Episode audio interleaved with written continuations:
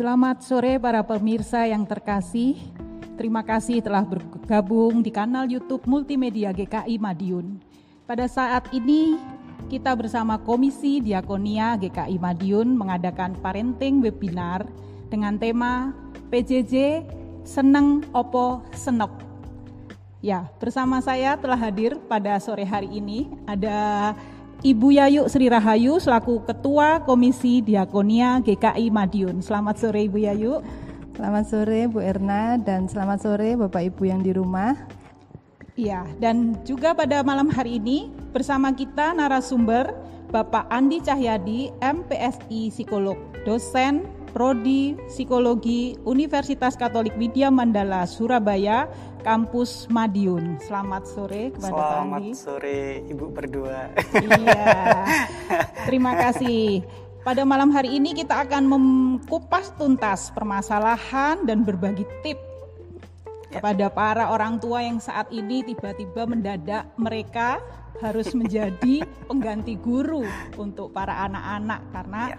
kondisi COVID-19 ini. Ya. Ya, para pemirsa yang ada di rumah, kita akan mulai acara kita. Namun terlebih dahulu kita akan melakukan doa pembuka yang akan dipimpin oleh Ibu Yayu. Kami persilahkan. Ya, Bapak Ibu yang terkasih, sebelum kita melanjutkan webinar kita pada sore hari ini, kita akan berdoa. Mari kita berdoa. Bapa di surga, puji syukur kami naikkan di hadapan hadiratmu ya Tuhan. Oleh kasih dan anugerahmu, kami boleh hadir saat ini di sini untuk acara Komisi Diakonia Parenting Webinar. Kami percaya bahwa ini adalah anugerah yang Tuhan berikan kepada kami semua. Terima kasih juga Tuhan untuk kehadiran Bapak Andi bersama-sama dengan kami yang akan memimpin jalannya acara parenting ini. Kami memohon kehadiran Tuhan di dalam acara kami ini sehingga acara ini dapat berjalan dengan baik dan lancar dan khususnya Tuhan kami berdoa supaya melalui acara ini boleh menjadikan berkat untuk kami semua yang mengikutinya khususnya Tuhan untuk orang tua yang harus mendampingi putra-putrinya di dalam pembelajaran jarak jauh di masa pandemi COVID-19 ini. Kiranya Tuhan memberkati kami semua dan kami alaskan doa kami dan ucapan syukur kami hanya di dalam kuasa tangan Tuhan. Di dalam nama Tuhan Yesus Kristus kami berdoa dan bersyukur. Amin. Ya, terima kasih kepada Ibu Yayu. Sekarang saya kepingin tanya nih Bu Yayu, sebagai ketua Komisi Diakonia, kok sampai kepikir ya membuat webinar PJJ seneng apa senep ini? Wah, rupanya Diakonia sangat paham dengan para orang tua yang lagi senep kayaknya akhir-akhir ini ya.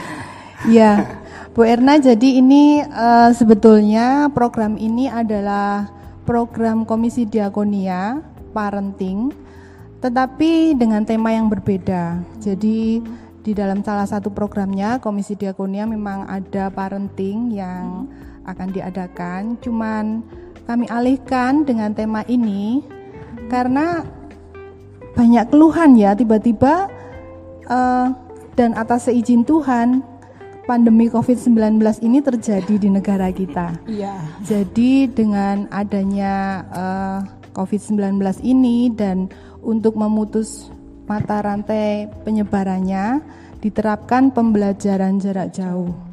Dan itu eh, sesuatu hal yang sangat baru ya untuk kita ya, tidak pernah selama ini Betul, eh, selama ini terjadi. Nah, itu sangat mengagetkan sekali sebagai orang tua Iya, yang betul biasanya kita pasrah eh, guru dan kita serahkan ke les mungkin, tetapi saat ini kita harus mau nggak mau bisa nggak bisa kita harus menyesuaikan dengan kondisi ini. Semua dilakukan Jadi di rumah orang ya. tua menjadi guru di rumah, Betul. kemudian ya saya pun juga mengalami. Jadi Iya. dan itu keluhan semuanya. Mm-mm. Makanya kita uh, mengambil alih. Oh ya udah karena ini menjadi kebutuhan dan terima kasih kemarin kita udah mempersiapkan selama dua minggu kita share ke jemaat supaya jemaat juga ikut uh, memikirkan atau membuat pertanyaan yang sekiranya menjadi kendala di dalam PJJ ini. Dan puji Tuhan, terima kasih untuk jemaat yang sudah mendukung baik program ini dengan memberikan pertanyaan-pertanyaan yang sudah disampaikan kepada kami. Dan nanti akan kami rumuskan, dirumuskan oleh Bapak Andi supaya terjawab semua pertanyaan-pertanyaannya. Kira-kira begitu, Bu Erna. Oh iya iya. Wah, kayaknya sudah nggak sabar nih untuk kita kupas tuntas. Kita mau serahkan waktu dan tempat ini kepada ahlinya. Pada Bapak Andi, kita akan mulai saja langsung Pak Andi. Baik, iya. Ya, silakan. Oh, tapi perkenalan dulu Pak. Oh iya, saya harus memperkenalkan diri ya. viral. Ya, terima kasih Bu Erna, terima kasih Bu Yayu atas kesempatan yang diberikan pada saya untuk berbagi apa ya istilahnya berbagi ilmu, bahkan begitu ya. Uh, mungkin kalau saya dibandingkan dengan Bapak Ibu yang ada di rumah begitu ya, uh, pengalaman saya mungkin jauh lebih sedikit gitu ya. Tapi saya punya materi gitu ya. Dan biasanya pengalaman yang saya ambil adalah pengalaman dari klien kan begitu. Uh, perkenalkan nama saya Andi Cahyadi.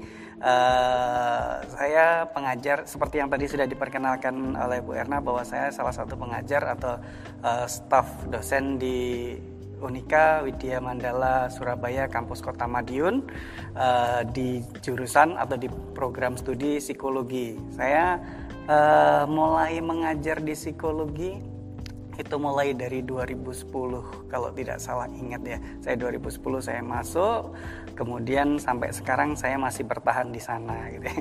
mungkin memang saya jalannya memang di sana kali ya. Um, saya masih uh, putra saya satu mau menuju dua.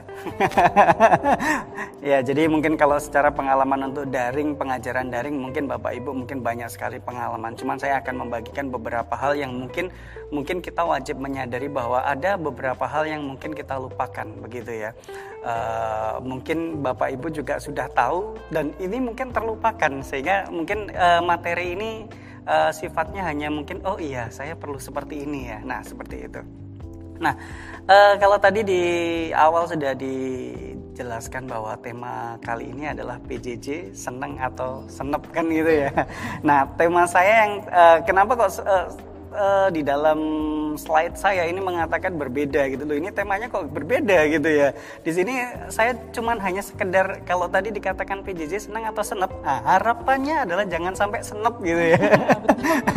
Makanya ketika saya saya mencari judul ini apa ya yang pas ya. Kalau dengan tema yang kayak gini uh, judul yang tepat itu yang seperti apa? Maka uh, kemudian saya terlintaslah sebuah uh, sebuah kalimat itu yang intinya begini, anak belajar daring. Nah, orang tua jangan sampai darting gitu ya.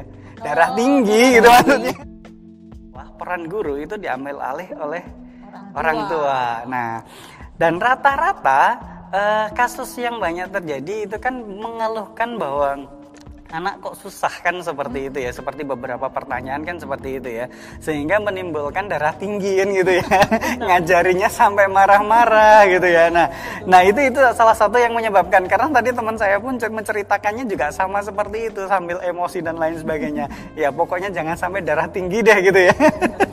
Harapannya kita walaupun sekarang ini beban anak ya apa namanya beban pengajaran itu diberikan kepada orang tua mau tidak mau orang tua harus menerima. Karena memang kondisi saat ini memang kita tidak bisa menolaknya kan seperti itu dan ini kalau sem, uh, sempat beberapa waktu yang lalu waktu mencari materi ini uh, banyak sekali yang mengeluhkan tentang kenapa kok harus uh, dirumahkan gitu ya. Kami tidak sanggup itu. Mendingan anak masuk saja sekolah gitu loh. Kami tidak takut dengan covid dan lain sebagainya. Banyak yang mengatakan seperti itu. Cuman uh, mau tidak mau memang kita memang sekarang ini uh, apa ya istilahnya harus memahami bahwa ini peran ini mulai kita ambil alih kembali kan begitu ya? Peran untuk mengajarkan uh, kepada anak itu mulai kita ambil alih kembali begitu.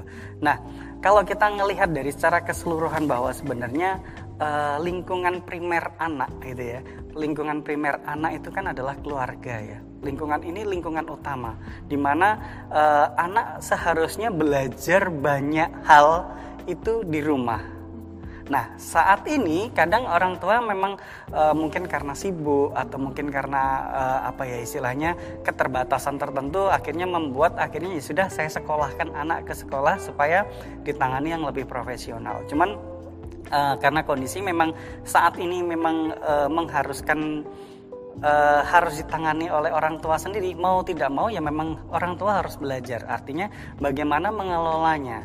Nah ini saya kembali lagi uh, sempat ada uh, celetukan seorang guru gitu ya. Seorang guru ya ini bukan bukan semuanya tapi seorang gitu ya. Dan itu memang teman saya gitu ya. Uh, kalau misalnya guru marah saja orang tua marah-marah ke guru gitu ya. Kalau ma ada ada guru yang mengajari siswanya marah itu orang tua terus menegur guru gitu ya. nah sekarang iya. silahkan rasakan sendiri. Bagaimana menghadapi anak kalian sendiri. Benar benar, benar. ini ini celetukan guyon sih bukan serius. Uh, memang karena memang uh, kalau kita ngelihat ada beberapa kasus juga uh, yang akhirnya orang tua sampai uh, menganiaya anaknya sampai meninggal dan lain sebagainya juga karena kasus-kasus uh, yang seperti ini belajar online dan lain sebagainya. Nah, memang uh, kasus ini cukup uh, cukup menyita perhatian ya, hmm. karena memang orang tua mungkin ketidaksiapan orang tua dalam hal menerima uh, beban ini kan seperti itu ya. Nah, kalau kita uh, lanjut begitu ya, kita kan melihat sekarang ini pandemi ini datang tanpa sepengetahuan kita ya, tanpa kita diaba-abain nanti akan ada pandemi ya gitu ya. Tiba-tiba saja mewabah gitu ya. Mungkin beberapa bulan yang lalu uh, di bulan-bulan Januari, Desember mungkin kita masih menganggap bahwa paling nggak sampai ke Indonesia oh, gitu ya.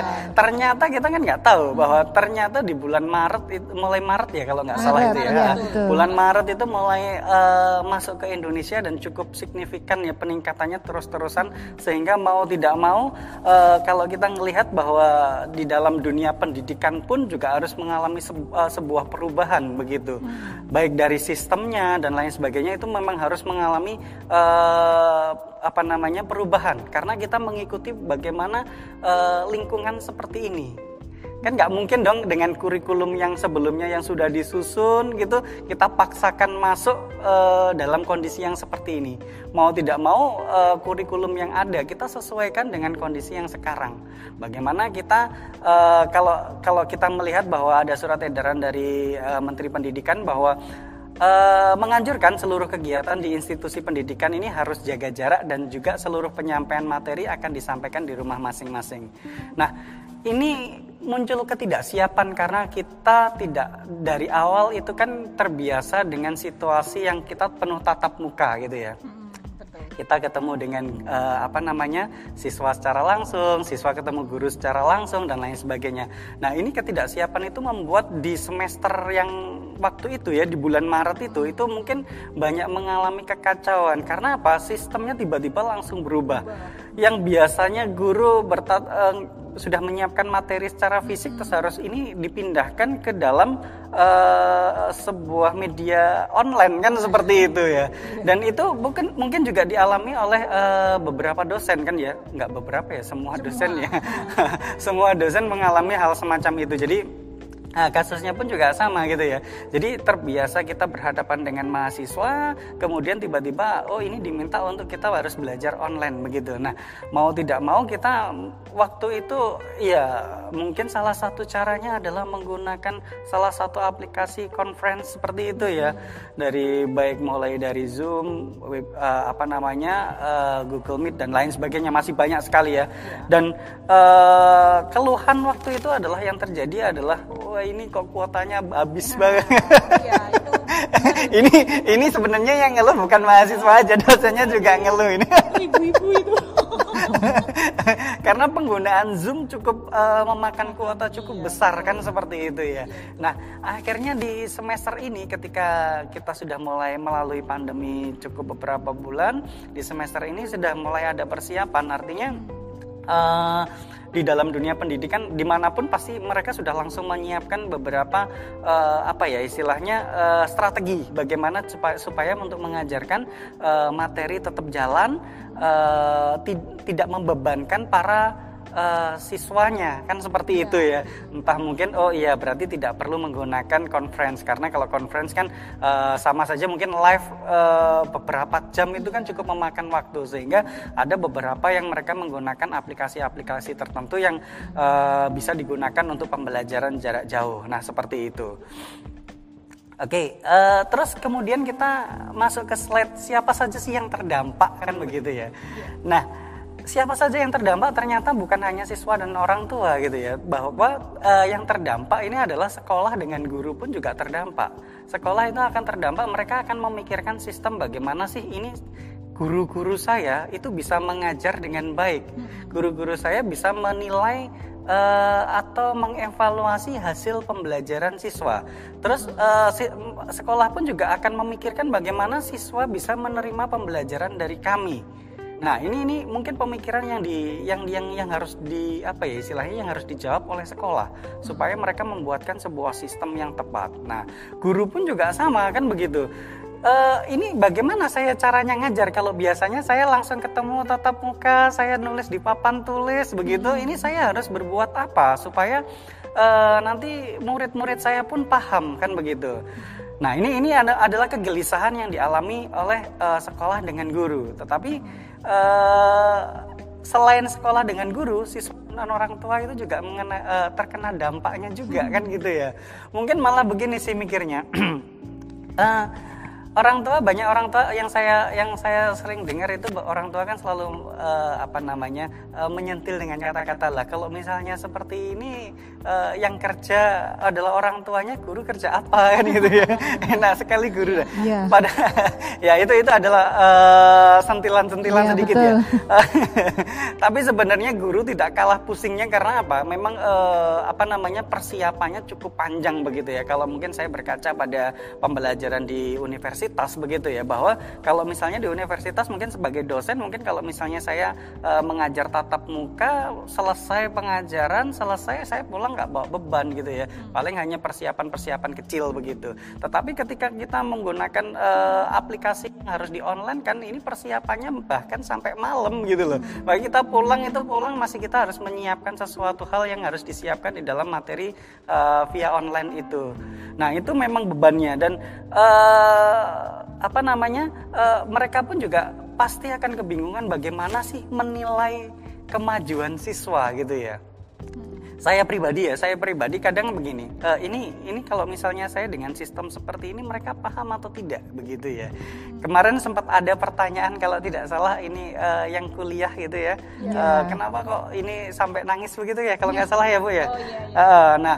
Um, ini sekolah eh kampus kok tidak mengajari secara detail tetapi tugasnya begitu banyak dan lain sebagainya. Nah, sebenarnya eh, kami pun sebenarnya ada beberapa kegelisahan bahwa sebenarnya mahasiswa ketika ditanya bagaimana ada yang eh, ada yang mungkin belum paham silakan ditanyakan. Bahkan ketika eh, kami kami ini memberikan sebuah fasilitas silakan hubungi kami di HP uh, Japri itu ya uh, jalur pribadi uh, misalnya belum jelas silahkan ditanyakan. Bahkan itu pun tidak dimanfaatkan ya. Seperti itu.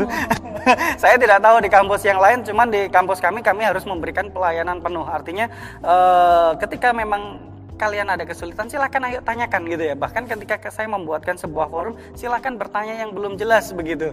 Itu yang tanya ya cuman hanya beberapa orang dan itu tidak dimanfaatkan. Nah ini yang mungkin uh, kesulitan bagi para pengajar yang lain ya. Artinya ketika ada pertanyaan begitu nah ini biasanya siswa itu jarang untuk menanyakan itu.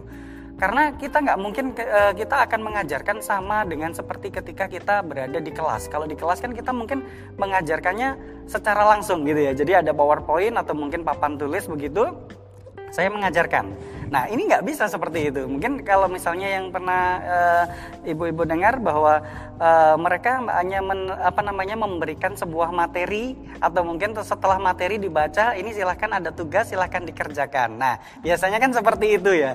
Cuman terkadang uh, ini malah sulit sebenarnya bagi bagi kami seorang pengajar ini akan menjadi beban. Ini sebenarnya paham nggak? Kok nggak ada yang tanya ya? Nah biasanya kan seperti itu. Memang ada beberapa beberapa pengajar yang mungkin akan kesulitan ya. Artinya kesulitan dalam uh, menyampaikan sebuah materi. Nah, cuman uh, itu mungkin uh, hanya kasus-kasus khusus lah ya.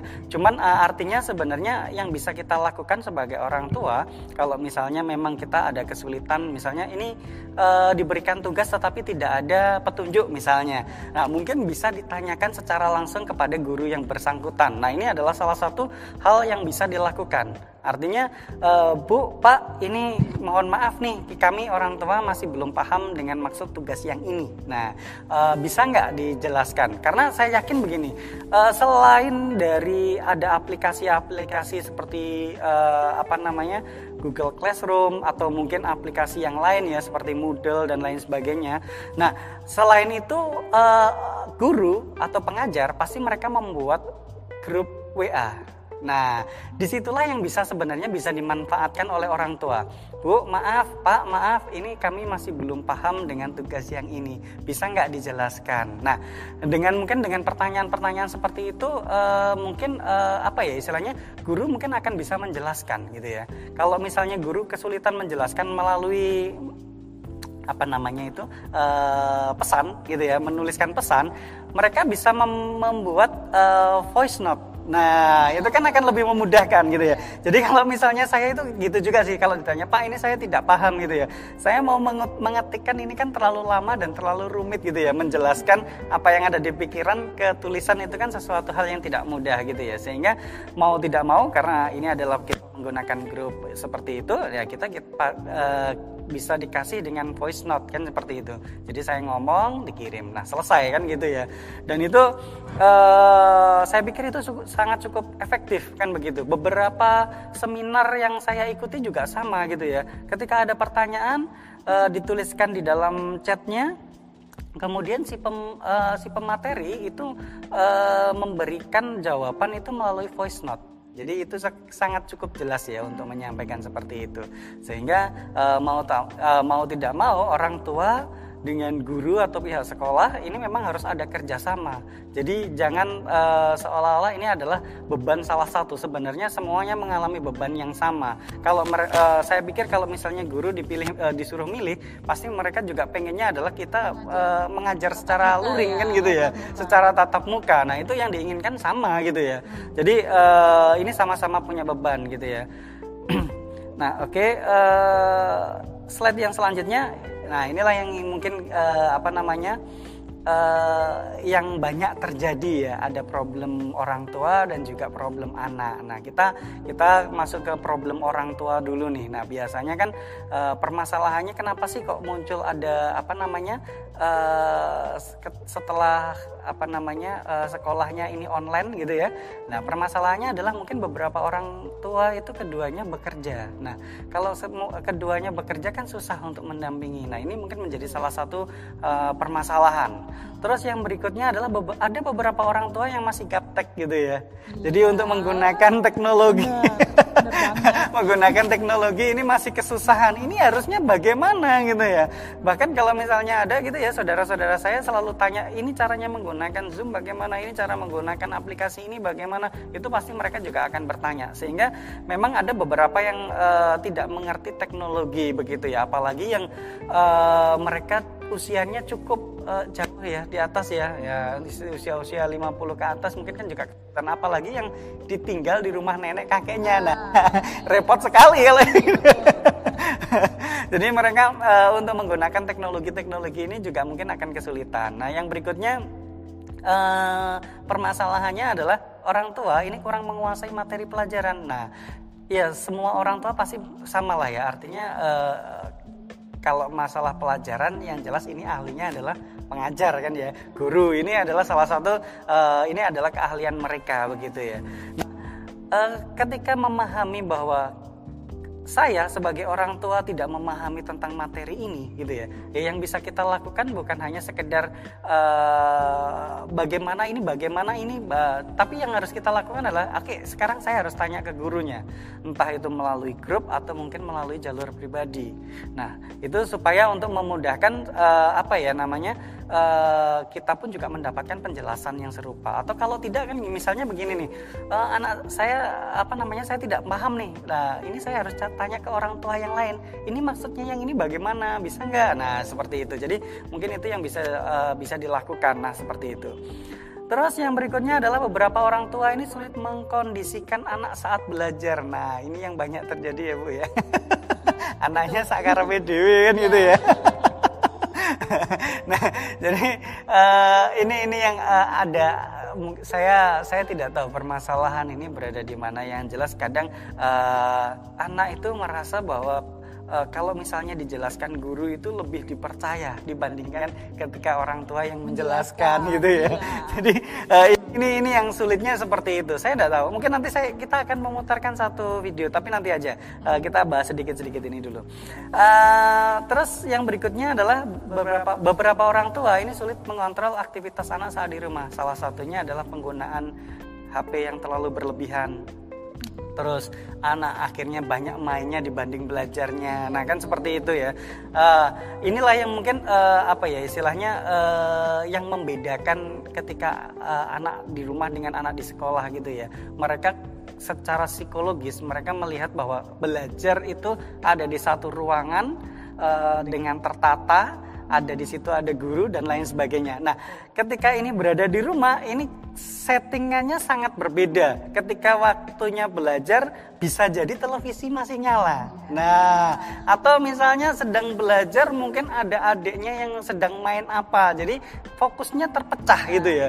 Nah, ini ini yang mungkin uh, apa ya menjadi satu permasalahan tersendiri karena memang settingnya berbeda. Secara psikologis kita melihat bahwa kita ketika belajar di sekolah ya kondisinya seperti itu ada bangku, ada teman, ada guru, kita uh, pakai seragam. Nah, ini adalah kondisi psikologis itu sudah terprogram seperti itu. Nah, ketika memang ketika kita mengatakan bahwa kamu nggak libur gitu loh, kamu ini tetap sekolah. Nah, ayo sekarang belajar gitu ya. Dengan kondisi celana pendek, uh, duduk di rumah, di situ TV nyala dan ada yang seliweran adiknya. Jadi kondisinya secara psikologis ini ini bukan setting sekolah gitu loh. Jadi ketika mereka diminta belajar itu uh, akan sangat-sangat sulit kan begitu. Terus uh, problem untuk anak, nah ini menjadi malas belajar. Nah, biasanya seperti itu karena memang apa? Mungkin mungkin orang tua, uh, ya ini karena kegagalan orang tua dalam hal mengkondisikan anak belajar ya dari awal ya. Itu itu salah satunya. Yang kedua cara pengajarannya mungkin sangat berbeda begitu ya. Biasanya kalau ketemu dengan orang tua, ketemunya pasti ada uh, apa ya istilahnya drama-dramanya sedikit kan. orang tua mentah si anak nangis. Itu kan biasa drama-drama seperti itu. Terus uh, menjadi tidak fokus karena ya memang itu ya lingkungannya ya sangat lingkungannya sangat uh, mungkin mendistrak mereka perhatian mereka ketika ini ini ada misalnya uh, saya menghadapi tugas nih ternyata tiba-tiba ada temennya main lewat gitu ya. Terus lagi belajar sedikit TV-nya nyala apa gitu ya. Jadi uh, cepet banget terdistraknya gitu ya. Nah yang mungkin yang dalam pikiran anak gitu ya apalagi untuk anak-anak usia SD ke bawah ya ini ini adalah libur panjang kan gitu ya. Mereka menganggap ini libur panjang gitu loh karena tidak ada aktivitas sekolah. Karena apa? Eh, program mereka program dalam pikiran mereka sekolah itu ya pergi ke luar uh, keluar rumah kita menuju satu gedung di situ ada banyak teman. Nah itu adalah programnya gitu loh Nah, sedangkan ketika ini ada di rumah gitu ya, suruh belajar sendiri, kok kayak liburan ini gitu. Apalagi di beberapa televisi itu dari pagi itu sudah menayangkannya kartun aja gitu. Jadi anak menjadi lebih betah di rumah untuk nonton kartun tapi. Terus uh, selanjutnya, nah anak lebih banyak menggunakan HP ya untuk bermain game. Nah ini juga uh, kadang uh, kadang ya ada beberapa orang tua yang mungkin tidak bisa memberikan disiplin yang sangat ketat kepada anak. Artinya disiplin itu adalah uh, ketika ini waktunya belajar ya oke mungkin medianya adalah HP begitu ya. Ya silakan gunakan HP itu.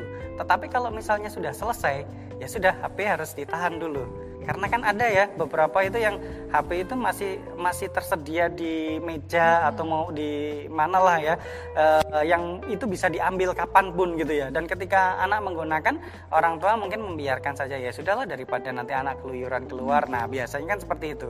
Sehingga yang terjadi adalah uh, mereka keterusan dan meng menggunakan HP itu untuk digunakan untuk bermain game. Mesti uh, biasanya seperti itu Terus uh, sulit diminta belajar, nah ini efek dari males tadi ya biasanya ya.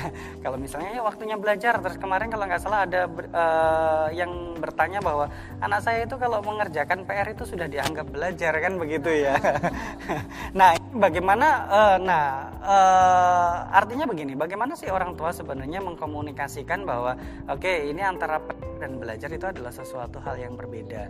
Nah jangan-jangan memang selama ini tidak ada jam belajar di dalam rumah yang ada adalah uh, yang adalah yang ada adalah belajar itu ya di sekolah. Karena seperti itu. Kadang kan ada ya yang beberapa orang tua itu yang memang tidak mengkondisikan itu jadi yang yang terjadi adalah ya di rumah ya di rumah gitu loh hmm. saya tidak mau belajar di rumah wong saya sudah sudah ada di sekolah sudah ada les di rumah ya tinggal main kan gitu ya ini padahal di rumah terus nah berarti dia main terus kan gitu ya Uh, terus selanjutnya ini adalah anak banyak yang tidak mendengarkan atau tidak percaya oleh orang tua ketika diajari. Nah ini tadi permasalahannya karena uh, kadang uh, apa namanya anak itu sering ngeyel, enggak gitu katanya bu guru itu gini, enggak gitu katanya seperti ini. Nah ini adalah salah satu permasalahan. Kadang malah ah ibu gak mudeng gitu ya. Nggak gitu bu. Nah, jadi ya seperti itu. Nah memang memang uh, ini karakteristik anak-anak sekarang seperti itu ya. Artinya mereka uh, orang yang berani untuk mengutarakan apa yang menjadi pemikirannya. Beda kalau mungkin uh, 30 tahun yang lalu ya. Anak ketika orang tua ngomong sudah tidak berani tidak berani membantah kan gitu. Tapi memang karakteristik sudah berbeda gitu ya. Uh, eranya sudah berbeda dan kita tidak bisa menyamakan anak sekarang harus sama dengan kayak yang dulu. Harus mendengarkan wah ini tidak bisa gitu ya. Mau tidak mau kita sebagai orang tua itu yang memang harus menyesuaikan diri uh, sebelum kita masuk ke slide yang berikutnya mungkin uh, bisa diputarkan satu video dulu. Yang pertama bisa dibantu? Lihat matanya.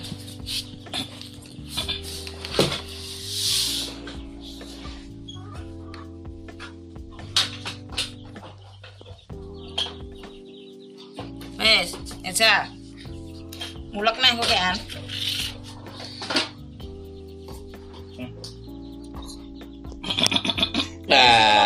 loh mas gini, terus gini loh mas.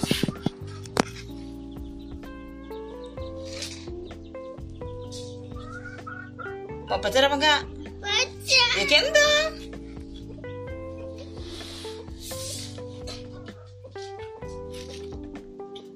Ini lama nggak pernah belajar. Mungkin ber-HP, HP tak gandeng kok nek tenang. Dulu sisa. Ndaplek ndaplek ini. Duduk sini.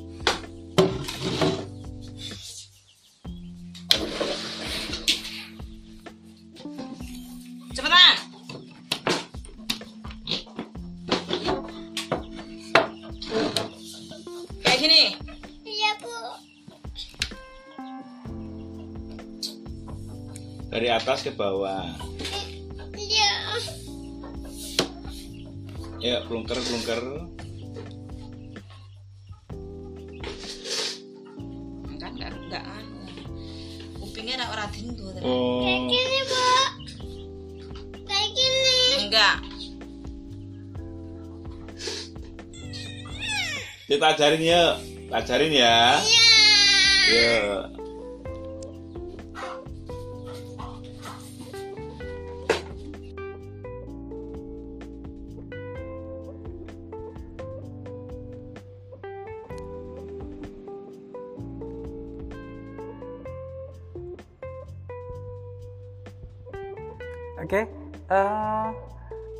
mungkin selanjutnya ke video yang kedua kalau sudah.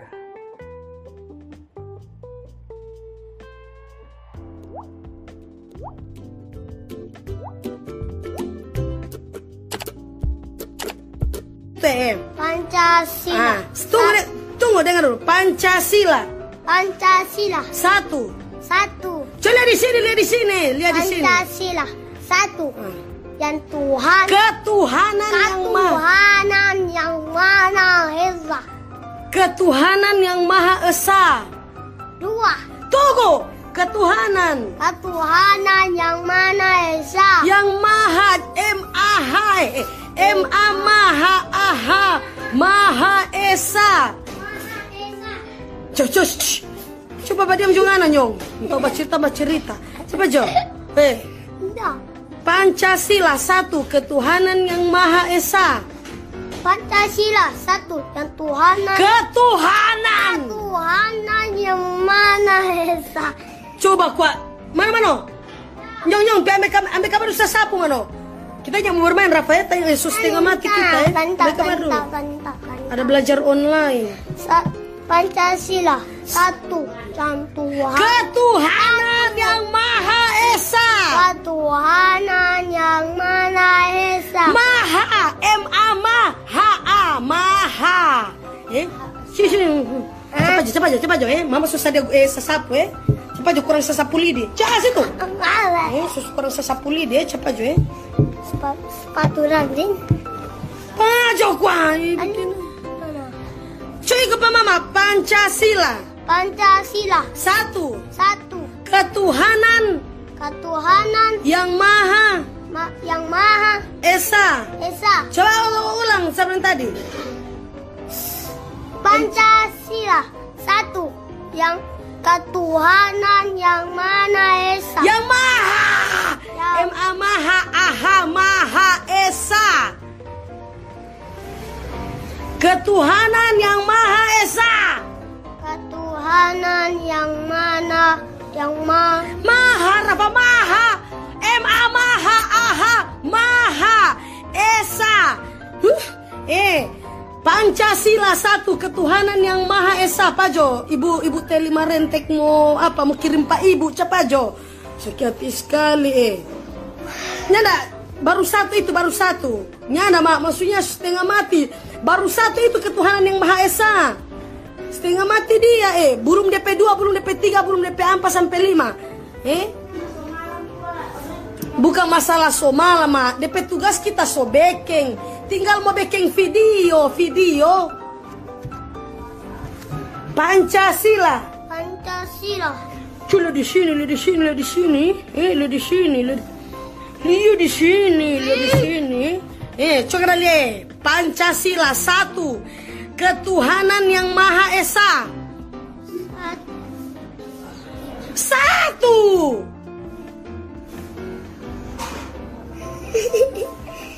Eh, kasihan Rafa eh. Coba. Ketuhanan. ketuhanan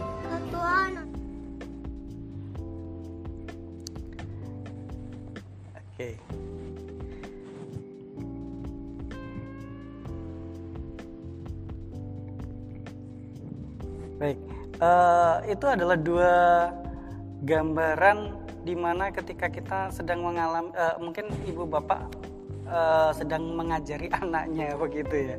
Kenapa kok eh, akhirnya begini ya? Eh, di dalam slide saya yang selanjutnya, ini sebenarnya permasalahan yang tadi saya paparkan, permasalahan yang dihadapi oleh orang tua dengan permasalahan yang dihadapi oleh anak, ini yang menimbulkan peluang konflik antara orang tua dengan anak ini menjadi lebih besar. Penyebabnya apa? Nah, kita bisa lihat gitu loh ya. Kita bisa ngelihat kalau saya ngelihat eh, mungkin video yang kedua cukup lucu gitu ya menurut kita begitu. Kalau kita memperhatikan video itu cukup lucu dan di awal anak masih bisa tersenyum begitu ya, masih bisa tersenyum. Tetapi di akhir-akhir anak sudah ekspresinya sudah berbeda ketika orang tua sudah nada tinggi. Nah, ini yang banyak terjadi pada pada apa ya istilahnya beberapa kasus. Artinya eh, kenapa akhirnya anak ini menjadi malas sekali untuk belajar begitu?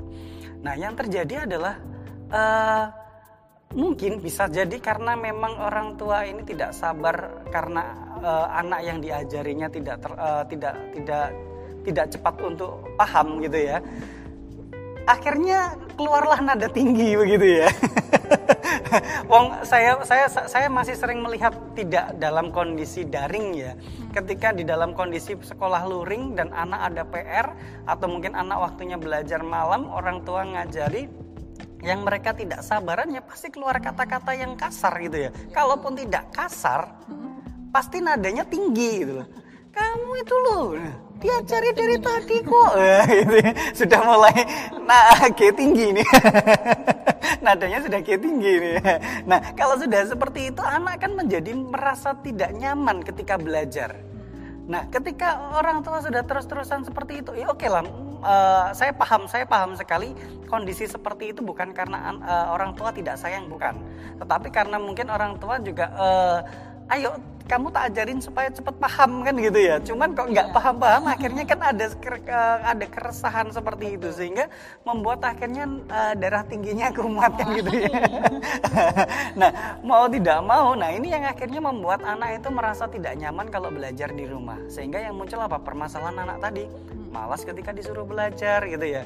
Kalau diajari kalau kalau diajari sama mama eh, selalu dibentak-bentak misalnya. Nah, beda dengan diajari sama Miss siapa misalnya seperti itu. Saya tadi sempat eh, melihat video yang tadi yang dikirimkan Bu Erna juga cukup menarik gitu ya. Eh, supaya corona cepat berlalu karena mama saya tidak pantas jadi guru. tidak layak jadi guru. itu ungkapan seorang anak begitu ya. Nah, eh, saya rasa mungkin ada beberapa orang tua yang tidak sabaran sehingga apa memunculkan konflik yang besar eh, antara orang tua dengan anak. Nah, kalau misalnya sudah konflik ini cukup besar, nah akhirnya yang muncul adalah dampaknya. Nah, kalau kita lihat slide selanjutnya itu adalah dampaknya anak ini menjadi lebih ndablek dan juga cenderung membangkang. Karena apa? Dia sudah merasa nggak nyaman banget kalau belajar sama mama misalnya. Setiap kali belajar sama mama mesti kena keplak gitu ya. kena, kena keplak sama mama gitu ya. Kalau mesti belajar sama mama mesti selalu dibentak-bentak. Nah belum lagi ada kan orang tua yang modelnya yang kasar banget gitu ya. Yang kata-kata yang mungkin tidak pas diucapkan itu diucapkan. Nah dengan kata-kata yang seperti itu kan mungkin anak menjadi males gitu ya belajar dengan orang tua dan lain sebagainya. Yang terjadi ya akhirnya anak ya membangkang gitu ya. Disuruh belajar ntar dulu mau dibela- eh, diajak belajar bentar mau makan dulu mau belajar lagi apalah gitu. Alasannya ada saja gitu ya untuk ngeles gitu ya. Karena apa? Mungkin eh, mereka tidak eh, merasa tidak nyaman ketika kondisinya mereka sedang belajar terus akhirnya sama orang tua seperti itu. Nah seperti itu. Nah oke selanjutnya. Nah ini yang mungkin perlu eh, diperhatikan kan gitu ya Eh, mungkin banyak orang yang akhirnya begini, loh kok jadi orang tua yang salah kan gitu ya? Eh, karena begini, saya s- selalu menemui beberapa kasus di biro gitu ya, klien biro di psikologi gitu ya. Rata-rata permasalahan anak itu muncul bukan karena memang anaknya sendiri gitu loh, muncul dari diri anak, tetapi memang muncul karena dari orang tua, dari kondisi-kondisi yang terjadi di dalam rumah. Suatu ketika begini, Eh, saya pernah mendapat cerita. Kalau ini mendapat cerita dari seorang teman psikolog yang lain begitu ya, waktu kita sharing gitu ya. Jadi eh, orang tua itu membawa anaknya gitu al- eh, dengan dengan tu- eh, bukan tuduhan apa ya, keluhan ya, dengan keluhan bahwa anak saya ini malas banget ini gitu ya. Dia disuruh apa namanya belajar di rumah, tetapi kok selalu nonton TV gitu ya. Wah, kalau orang dengan didapat keluhan seperti itu pasti oh, kalau orang awam kan selalu mengatakan oh berarti anaknya memang males ini ya seringnya nonton TV kan sel- eh, kan dengan dengan tuduhannya seperti itu kan gitu ya setelah dicek begitu sampai mungkin ada home visit ya ke rumah begitu ternyata kasusnya itu yang terjadi cukup unik gitu ya di sini adalah meja belajar di depannya itu adalah ruang televisi yang eh, di situ ada orang tuanya sedang nonton televisi gitu ya. Anaknya belajar kalau di situ ada tayangan menarik kan otomatis dia lihat gini. Lah gimana kita mau eh, apa namanya? meng- menyuruh anak belajar kalau televisinya nyala. Nah, ini permasalahan kan bukan pada anak. Tapi bagaimana orang tua mengkondisikan kondisi seperti itu. Nah, makanya eh, tadi saya mengatakan beberapa permasalahan adalah orang tua sulit mengkondisikan lingkungan rumah supaya mereka siap untuk belajar. Misalnya begini, oke waktunya belajar deh, yuk, ayo kita masuk kamar. Nah, jadi kondisikan eh, ruangan kamar itu untuk tempat belajar dia gitu ya. Dan eh, mungkin kita perlu eh, gini lah, eh, apa namanya menahan sedikit emosi ketika anak memang eh, apa namanya eh, tidak bisa menerima penjelasan kita kan seperti itu. Jadi saya katakan bahwa ketika anak mulai malas untuk belajar, nah ini perlu dievaluasi nih gitu ya. Orang tua perlu evaluasi, jangan-jangan bahwa sebenarnya orang tua lah yang menjadikan anak ini malas belajar. Bukan karena terus orang tua menyuruh anak malas belajar, enggak. Teta- Tetapi secara tidak langsung kondisi yang ada di dalam rumah itu membuat anak ini menjadi malas belajar. Termasuk tadi yang saya katakan ka- ketika ngajari eh, sambil teriak-teriak begitu. Terus eh, belum lagi kondisi rumah misalnya waktunya belajar, anak suruh belajar, orang tua masih nonton televisi dan televisinya deket anak lagi gitu ya. nah, jadi ini adalah salah satu hal yang menyebabkan eh, bisa jadi kenapa anak mulai mulai malas belajar. Terus cara menyuruhnya. Nah, cara menyuruh pun kadang begini ya. Ayo dek belajar yuk dengan Dek, belajar. Nah, beda gitu loh, beda. Dan eh, kecenderungan yang saya amati begitu ya, anak ketika dibentak itu cenderung agak ndablek gitu ya. Jadi biarinlah gitu. biarinlah gitu. Nah itu itu kecenderungannya adalah seperti itu. Nah coba mungkin uh, pelan-pelan begitu ya bagaimana kita menghadapi si anak dan lain sebagainya. Karena memang uh, saya pun juga mengamati orang-orang di sekitar saya ketika mereka uh, dimintai tolong dengan cara nada-nada yang seperti itu ya, yang mungkin tidak bersahabat lah dengan sedikit uh, keras, nada tinggi, nada, nada perintah dan lain sebagainya. Itu kalau ngerjakan itu sambil mencucu gitu ya, mencucu apa ya itu ya, bibirnya maju ya sambil cemberut cemberut. Nah, nah, sambil cemberut gitu ya. Nah tetapi beda kalau misalnya eh, aku minta tolong ini ya tolong ambilkan ya. Nah Nah itu beda gitu ya eh, ekspresinya beda. Nah ini mungkin bisa bisa mungkin orang tua pun juga eh, mulai mengevaluasi diri apa yang keliru dari saya sehingga eh, ketika saya eh, meminta anak untuk belajar kok anak kok males. Nah terus belum lagi begini, disiplin kita memang harus menerapkan disiplin di dalam rumah gitu ya. Kalau misalnya biasanya memang kita, anak tidak boleh pegang HP dan boleh pegang HP itu eh, di hari Sabtu Minggu, nah ini terapkan hal yang sama kecuali kalau misalnya pembelajaran itu melalui eh, menggunakan HP.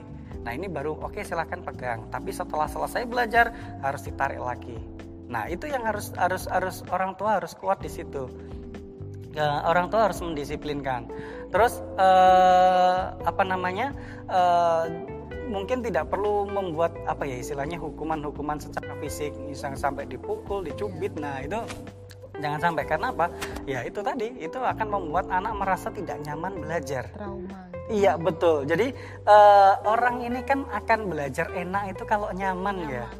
Ya kalau kondisinya tidak nyaman itu mau kayak apa pun diajarinya oh, sama sekali akan nggak masuk gitu loh. Jadi dulu saya pernah beberapa tahun yang lalu ya itu ya masih ada ponakan saya yang di Jakarta itu masih sekolah di sini. Ketika dia diajari dengan teriak-teriak, ya sudah dia eh, diem aja, udah nggak mau ngapa-ngapain, disuruh nulis nggak mau, suruh baca nggak mau, terus pokoknya diem gitu loh. Akhirnya belajarnya diakhiri. Nah, kan akhirnya selesai gitu ya. Karena apa? Kalau ngajarinya eh, mungkin caranya nggak nggak nggak bersahabat bagi dia gitu ya. Entah dibentak dan lain sebagainya. Nah, itu adalah salah satunya. Sehingga eh, yang perlu kita perhatikan bagaimana cara kita berkomunikasi dengan anak itu yang mungkin perlu kita perbaiki. Karena kalau kita menganjurkan anak berubah itu sangat mustahil kalau misalnya orang tua tidak berubah. Nah, ini yang sangat-sangat perlu di situ. Karena apa? Ketika kita meminta anak ini, ayo kamu ini berubah oh, rajin gitu ya. Atau kamu ini nurut sama orang tua. Nah, tapi orang tua pun juga harus bagaimana membenahi diri, cara bagaimana kita meminta tolong, bagaimana kita mengajarkan eh, supaya komunikasi itu yang seperti ini. Nah, bagaimana ketika eh, apa namanya meminta tolong itu caranya bagaimana? Jadi membentuklah suatu sua- suasana yang hangat gitu ya. Sehingga eh, anak mungkin akan dengan sendirinya akan berubah. Nah apakah ketika orang tua berubah saat ini terus anak juga langsung berubah? Ya nggak secepat itu juga. Ini proses dan itu bisa jadi proses itu terbentuk sudah cukup lama gitu ya. Eh, ter- terbentuk sudah cukup lama sehingga kita mengembalikannya ya kita memang harus pelan-pelan. Orang tua ketika harus berubah ya juga harus pelan-pelan. Oke saya harus berusaha seperti ini supaya anak saya seperti ini gitu ya. Terus oke Eh, lanjut slide yang berikutnya. Nah, orang tua mungkin perlu memperbaiki pola komunikasi dan interaksi dengan sang anak. Nah, ini yang perlu di, di apa ya istilahnya yang perlu kita tingkatkan supaya ini kita uh, sebelum kita bagaimana kita menyuruh dia belajar ya, anak belajar ya. Paling tidak kita perlu memperbaiki cara kita komunikasinya. Bagaimana sih kita mengkomunikasikan kepada anak ketika kita minta tolong, "Dek, minta tolong ya." Nah, "Dek, ayo belajar yuk." Ini buku yang yang kemarin yang mana ya? Yang uh, yang untuk hari ini misalnya. Buku yang untuk hari ini yang mana? Nah ini kan dengan cara-cara yang seperti itu mungkin akan lebih enak daripada bukunya mana? Ayo cepat tampil. Nah kalau sudah seperti itu paling anak ya uh, perginya ya sudah seperti ini. Dengan males-malesan begitu ya. Itu pun saya Toma, nah bentar Toma, nah kan paling seperti itu. Nah, jadi uh, bagaimana kita mencoba untuk mengubah komunikasi kita, interaksi kita dengan sang anak? Sehingga ketika anak dimintai tolong itu uh, atau misalnya kita minta untuk mereka belajar, anak akan dengan senang hati mengikutinya. Karena apa? Kondisinya mungkin menyenangkan. Dibandingkan kalau misalnya kita sudah, sudah uh, mau mengajak dia belajar sudah membentak dulu Ayo jam berapa ini? Waktunya belajar loh ini. Kok masih pegang HP? Nah, belum belum udah seperti itu. Sehingga yang terjadi apa gitu ya? Yang terjadi adalah anak merasa tidak nyaman ketika saya mau memulai gitu ya sama halnya kan begini ya uh, mau pagi-pagi gitu ya mau berangkat sekolah gitu ya terus anak uh, dibangunkan dengan cara yang mungkin kasar begitu ya. Itu kan harinya moodnya itu di, di uh, seharian itu mungkin akan menjadi jelek gitu ya. Jadi uh, ya sudahlah kalau pagi mungkin cara membangunkannya bagaimana dan lain sebagainya supaya apa? Ya itu akan memperbaiki mood dia sepanjang hari itu kan begitu. Nah selanjutnya Nah, kita perlu memahami bahwa setiap anak itu unik dan spesial. Nah, ini yang perlu kita kita perlu uh, pegang teguh gitu ya. Jadi kalau misalnya begini, Lah, itu loh temanmu sudah bisa menghafal perkalian sampai berapa kamu loh hafalan satu aja tidak bisa. Nah, ini jangan sampai seperti itu karena apa? Uh, setiap individu itu unik gitu ya ada yang mungkin menghafalnya cepat, ada yang menghafalnya lambat, ada yang sekali melihat bisa, ada yang dibutuhkan beberapa kali. Nah, ini ini adalah keunikan anak dan kita tidak bisa menyuruh mereka seperti itu. Misalnya begini, itu loh dia berani tampil di depan di gereja dan lain sebagainya misalnya gitu. Kamu anu ke situ aja disuruh beli apa aja nggak berani. Nah, ini kan keunikan gitu loh. Masing-masing anak punya keunikan. Ada yang mereka bisa misalnya tampil di gereja itu dengan berani, ada yang misalnya mau disuruh oh, mau dipaksa kayak apa juga nggak mau juga ada gitu loh. Ya memang inilah karakteristiknya tinggal bagaimana kita mengenali mereka. Ini anak saya yang model kayak apa kan begitu. Terus, uh, nah untuk untuk mengenali uh, maka kita perlu mengenali anak kita untuk mempermudah proses interaksi kita dengan mereka. Jadi kalau kita sudah mengenali anak, mau tidak mau kita akan mudah untuk interaksi gitu ya. Jadi kalau misalnya anak ini memang uh, cukup apa namanya punya percaya diri, nah tinggal bagaimana kita komunikasi dengan dia gitu ya. Ketika ini anak ini memang uh, nyalinya ciut gitu ya, sekali bentak aja langsung ngedrop begitu, ya kita bagaimana komunikasi dengan dia. Nah seperti itu. Sama hal soalnya kan begini orang memotivasi itu kan kadang kadang kadang orang membandingkan. Itu kan kadang untuk memotivasi ya bu ya, ya. Jadi ya. itu loh contonan nah itu loh contonan nah. Tapi kadang bagi anak itu menyakitkan gitu loh. Nah saya dibandingkan gitu loh nah itu. Ini bahkan ketika orang dewasa pun dibandingkan loh juga nggak mau kan itu ya. apalagi anak-anak kan gitu. Mereka sama sebenarnya ya. Dia itu uh, orang dewasa yang masih kecil gitu ya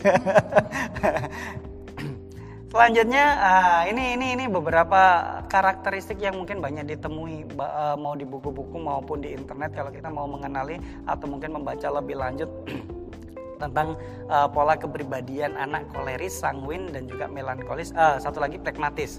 Nah, orang-orang koleris, nah kita harus mengenali nih orang-orang koleris itu yang kayak apa? Mereka yang suka petualangan, dia percaya diri, dia suka mengendalikan situasi, suka tantangan namun ada satu hal yang mungkin perlu diketahui bahwa dia sebenarnya adalah orang yang tidak suka terlalu diatur dan diperintah. Nah, ketemu dengan anak-anak yang seperti ini, jangan diperintahkan gitu loh. Jangan, ayo kamu ke sini, ayo kamu ke sana, kamu harus seperti ini. Enggak gitu ya. Untuk ketemu dengan anak-anak koleris, ayo kamu mau belajar jam berapa gitu ya Kamu mau belajar sekarang atau belajar nanti? Kamu mau belajar di sini atau di dalam kamar? Kamu harus seperti ini atau seperti ini. Jadi biar mereka yang menentukan sendiri mau mau bagaimana dia belajar. Nah, ketemu dengan anak koleris kan seperti itu. Ayo dek, uh, kamu mau belajar apa dulu nih gitu ya. Kemarin kan sudah ini ya, ayo kamu bisa nggak kalau misalnya besok ujian lebih tinggi nilainya dari yang kemarin. Nah, ini kita kalau misalnya ngomong dengan orang koleris, mereka pasti akan tertantang bisa lah nah saya akan buktikan. Nah misalnya seperti itu. Nah itu itu kalau misalnya kita ngomong dengan orang-orang koleris nah anak-anak koleris. Nah ketemu dengan anak-anak sanguin mungkin akan berbeda lagi. Mereka ini adalah orang-orang yang memiliki spontanitas yang tinggi orang yang lincah periang terbuka uh, orang yang punya selera humor yang tinggi cukup hangat dalam persahabatan suka menjadi pusat perhatian dan popularitas. Nah, satu hal dia tidak suka ditolak gitu ya. Jadi kalau misalnya mah teman nih belajar, saya udah belajar sendiri saja loh. Nah, ini ini salah satu penolakan gitu ya. Nah, untuk ketemu dengan anak-anak yang sanguin ini mau tidak mau mungkin kita akan lebih banyak mendengarkan apa cerita mereka. Hari ini kamu belajar belajar apa gitu ya. Ceritain dong uh, pengalaman kamu. Nah, ini mungkin anak akan lebih senang kan gitu ya. Uh, diminta untuk mereka bercerita. Uh, intinya orang-orang sanguin ini adalah ketika ketemu dengan orang lain pasti dia bisa akrab langsung akrab begitu.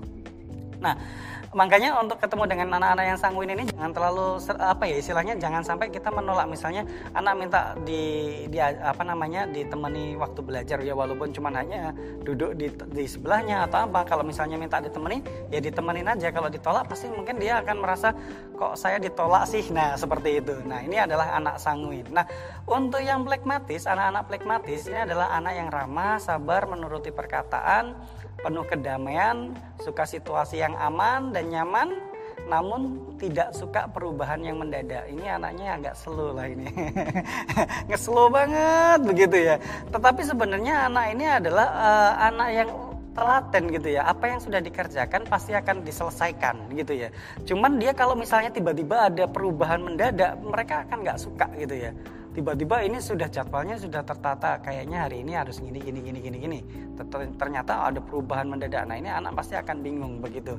Pasti tidak suka dengan kondisi-kondisi yang membuat uh, situasinya menjadi tidak aman dan tidak nyaman gitu ya. Nah yang berikutnya itu berkaitan dengan melankolis gitu ya. Nah ini anak-anak melankolis ini adalah penuh pikiran kritis bicara harus berdasarkan data. Anak ini perfeksionis teliti rapi tekun terorganisir dan setia. Nah, namun tidak suka dikritik. Jadi untuk anak-anak seperti ini jangan terlalu mengkritik. Kamu kok ngerjainnya seperti itu? Tulisan kamu kok kayak gitu? Itu garisnya kayak gitu. Nah, ini nggak nggak dia nggak akan suka gitu ya. Jadi uh, biarkan dengan dia kreativitas mereka dia membuat uh, dengan cara mereka jangan dikritik. Dengan untuk anak-anak yang perfeksionis kan seperti itu. Orang perfeksionis ini dia mencoba untuk bekerja lebih detail. Tetapi kalau dikritik itu mereka sebenarnya nggak suka gitu ya. Dia takut kalau misalnya dikritik pekerjaannya dianggap tidak benar. Nah ini adalah salah satu hal yang ditakutkan oleh anak-anak melankolis.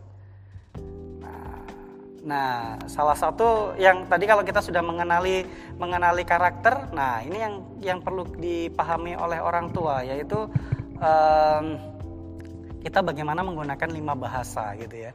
Lima bahasa cinta masing-masing orang itu punya bahasanya sendiri-sendiri kan begitu ya. Wah lima bahasa cinta ini apa gitu ya? Yang pertama ini adalah bagaimana e, bahasa cintanya adalah ketika mereka mendapatkan sebuah pujian ya. Word of, of affirmation gitu ya. Jadi ketika mereka mendapatkan sebuah pujian kamu nilai kamu lo bagus. Nah oh, kamu kok sekarang ini cantik banget atau mungkin uh, cakep banget? Oh ini kok uh, nilai kamu uh, naik lagi. Nah ini adalah sesuatu pujian-pujian yang seperti itu mungkin dibutuhkan untuk anak-anak yang seperti ini. Jadi ketika mereka uh, menginginkan sebuah pujian ya beri mereka pujian gitu ya. Bagus deh nilainya seperti itu ditingkatkan lagi ya. Nah ini adalah cara-cara untuk memotivasi dia gitu ya.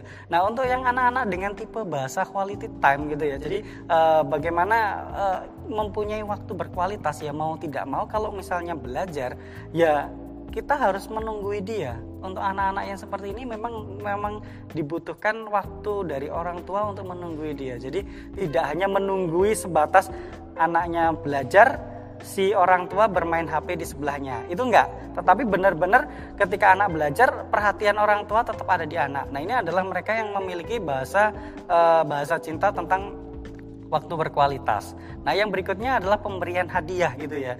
Nah, pemberian hadiah ini adalah uh, bukan melulu soal apa ya istilahnya hadiah barang mewah enggak gitu ya atau yang mahal-mahal atau misalnya uh, diberikan jajan apa misalnya itu kan juga sebuah sebuah hadiah ah, karena nilai kamu bagus ayo sekarang ayo tak ajak anu beli jajan di depan di toko di depan. Nah misalnya seperti itu. Itu adalah sebuah uh, apa namanya uh, hadiah yang menurut dia itu adalah bahasa cintanya. Ketika orang tua memberikan hadiah itu adalah tanda cinta kan? Biasanya kan seperti itu.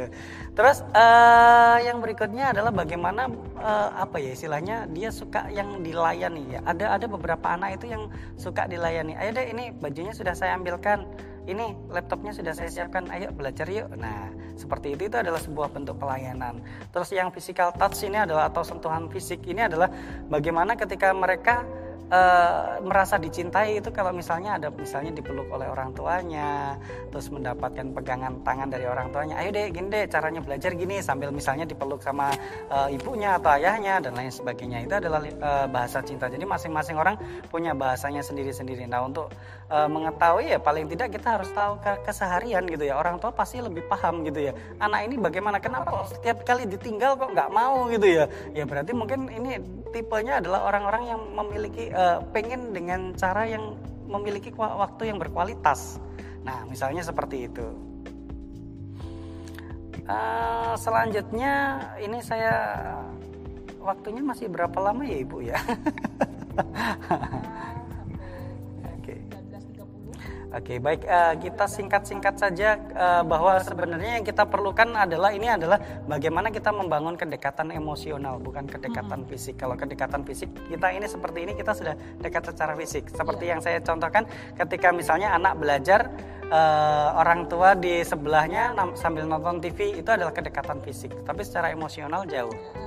Kalau secara emosional kan paling tidak kan uh, ada ada satu ikatan yang merasa ketika dekat itu merasa nyaman kan begitu. Nah, itu adalah kedekatan secara emosional. Nah, selanjutnya Uh, nah ini yang mungkin perlu kita tahu bahwa sebenarnya orang tualah yang perlu menyesuaikan diri dengan anak, bukan anak yang diminta untuk menyesuaikan dengan orang tua. Karena kalau misalnya kan begini ya, ada ada yang mungkin saya masih ingat, saya lupa uh, siapa yang mengatakan dan kepada siapa, cuman saya masih ingat bahwa kamu loh masih um, umur segitu, saya ini umurnya yang sudah sekian ini sudah mengalami seperti kamu gitu ya. Nah kalau orang tua kan memahami seperti itu kan keliru gitu ya, meminta anak usia 10 tahun untuk memahami kondisinya yang uh, yang pernah dialami gitu ya. Yang harusnya adalah kita yang sudah pernah mengalami seperti itu harusnya kita memahami mereka bukan mereka diminta untuk memahami kita. Nah itu yang mungkin uh, ada salah satu kekeliruannya kan ada di situ. Sebenarnya kitalah yang harusnya memahami bagaimana kondisi anak ini kalau anak ini oh ini kok kayaknya mentalnya down nih. Ini harus diapain? Nah kan seperti itu. Bukannya terus kita harus ya kamu harusnya paham kayak gini. Nah itu nggak bisa ya. Jadi artinya uh, orang tua harus bagaimana menyesuaikan diri dengan anak bukan anak yang harus menyesuaikan diri dengan orang tua. Terus yang kedua adalah orang tua yang seharusnya memahami anak kan gitu ya. Bukan bukan anak yang diminta untuk memahami orang tua kan gitu ya. Yang satu kita disuruh apa namanya orang tua menyesuaikan dan juga kita harus uh, sebagai orang tua harus memahami anak jangan sampai terus kebalikin gitu ya. Anak suruh memahami orang tua kamu ini nggak paham ayah sudah kerja capek-capek gitu ya. Ya ya anak mungkin bikinnya emang saya nyuruh kan. Secara simpelnya kan begitu ya. Secara simpelnya kan begitu ya. Mungkin kalau anak berani jawab mungkin jawab gitu tadi. Ah yang terakhir adalah mencintai anak itu tidak penting gitu ya. Uh, kenapa kok mencintai anak itu tidak penting? Yang terpenting itu adalah membuat anak merasa dicintai. Nah, karena kan kita itu kan, kan kenapa gini ya? Hmm. ada ada salah satu saya pernah membaca di salah satu buku itu adalah kasus uh, kasus real di salah satu klinik itu ya. Terus dibukukan uh, dia men menyampaikan begini anak ini mengeluhkan bahwa saya merasa tidak dicintai oleh orang tua. Loh gimana nggak dicintai? Wong saya ini sudah seperti ini seperti ini seperti ini. Nah ini kan bahasa cinta yang berbeda anaknya mintanya adalah ya paling tidak kalau misalnya saya belajar ditemenin kalau mau tidur itu ada ucapan selamat bubuk dan lain sebagainya. Lah ini orang tua setiap saat uh, pergi ke luar negeri misalnya keluar kota gitu. Dan uh, ya benar mungkin secara secara ekonomi atau finansial mungkin uh, terpenuhi gitu ya. Tetapi bukan itu yang diinginkan oleh orang tua. Nah seperti itu Jadi itu uh, secara singkat yang mungkin yang bisa saya bagikan. Nah, dari hal-hal semacam inilah ya, kenapa kok ini mengerucutnya adalah kepada bagaimana sih pola komunikasi dan interaksi orang tua dengan anak. Artinya apa kaitannya dengan belajar? Paling tidak ketika kita bisa memperbaiki interaksi kita dengan anak, mau tidak mau ketika kita meminta anak untuk belajar itu mungkin akan lebih mudah bagaimana kita bisa memahami kondisi anak yang saat ini sehingga kita tahu oh iya ini kondisi anak sedang jenuh begitu ya. Kondisi anak sedang jenuh. Nah apa yang harus saya lakukan sebagai orang tua? Apakah mungkin ada ada yang salah ketika uh, saya meminta anak belajar kok sampai anak-anak anak ini tuh takut atau mungkin malas untuk belajar? Apa yang kurang dari saya? Kan nah, seperti itu. Itu kenapa yang uh, akhirnya meruntutnya adalah bagaimana sih pola komunikasi dan pola interaksi orang tua dengan anak sehingga menyebabkan anak ini di rumah mungkin tidak terkendali. Kan seperti itu. Hmm. ya. Oke. Itu? Ah iya. Terima kasih. Wah malam ini kita banyak belajar ya Bu Yayu ya. Kita sebagai ibu juga di rumah rupanya banyak yang perlu kita ini ya. Perbaiki. Betul. Kadang kita sama ya menuntut yeah. menuntut kok begini, kok yeah. begini ya. Tapi ternyata kayaknya kita dulu ya Pak Andi ya sebagai orang tua yang harus memperbaiki diri dulu ya. Iya, iya. iya. Jadi kalau saya tadi menangkap apa yang disampaikan Pak Andi itu kok banyak saya kesentil gitu eh. sebagai orang tua ya jadi orang tua itu ya kita kadang saya dewe tidak mengkondisikan anak maksudnya ruangannya untuk belajar terus iya, benar, kita gitu. tidak sepenuh hati mendampingi ya. anak-anak ya itu yang sering kali sehingga kok uh angel meniki iya. gitu. Iya, ternyata malam ini wawasan kita terbuka. Uh, ini satu tambahan sih ya di sini ada kayaknya ada live chat ini dari iya. siapa? Iya, kita akan uh, masuk sesi tanya sesi jawab. tanya jawab. Okay, ya, gitu yang ya. sudah masuk ke live chat Multimedia GKI Madiun. Salah satunya ini yang saya bacakan dari Bapak Edi Susanto. Ya. Ya. Sebetulnya selain dari semua kesulitan itu, salah satu kesulitan yang terberat adalah bagaimana menjelaskan sebuah materi pelajaran pada anak, terutama yang masih SD. Ya, oke. Okay. Jadi sekolah bisa membuat guidance yang jelas bagaimana menjelaskan menerjemahkannya agar anak-anak ini mengerti. Baik. Ya, Bagaimana, ini Pak? adalah salah satu kondisi di mana uh, uh, apa namanya ini juga salah satu kesulitan yang tadi ya sempat permasalahan di dalam orang tua adalah kurang menguasai materi pelajaran gitu ya.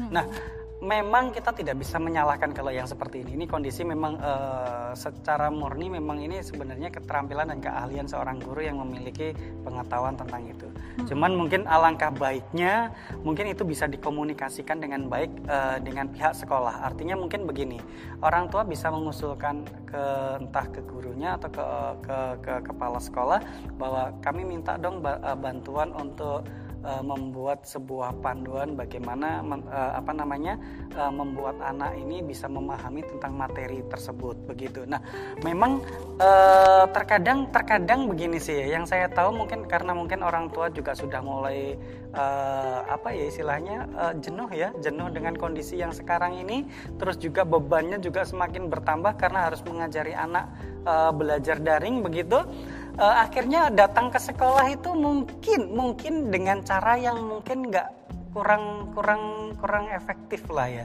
Artinya misalnya dengan marah-marah ini ini guru ini nggak ngajarnya nggak bener nih pak. Nah sambil misalnya uh, apa namanya uh, ngomong ke kepala sekolahnya. Misalnya ini ya. Nah kalau misalnya dengan datang dengan cara yang seperti itu pasti pihak sekolah pasti akan membentengi diri untuk melindungi uh, gurunya. Kan artinya kan seperti itu ya.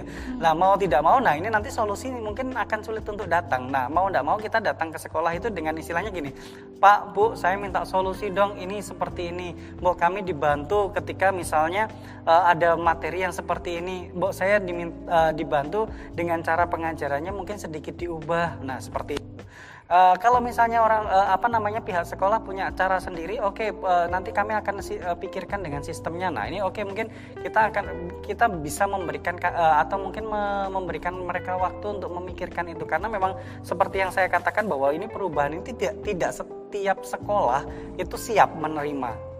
Apalagi di beberapa sekolah itu kan masih banyak yang guru-gurunya yang sudah uh, usia lanjut mendekati pensiun. Nah, ini akan kesulitan kalau misalnya harus menerjemahkan atau uh, apa namanya mengajari anak melalui daring seperti itu. Nah, ini kasusnya juga banyak yang seperti itu.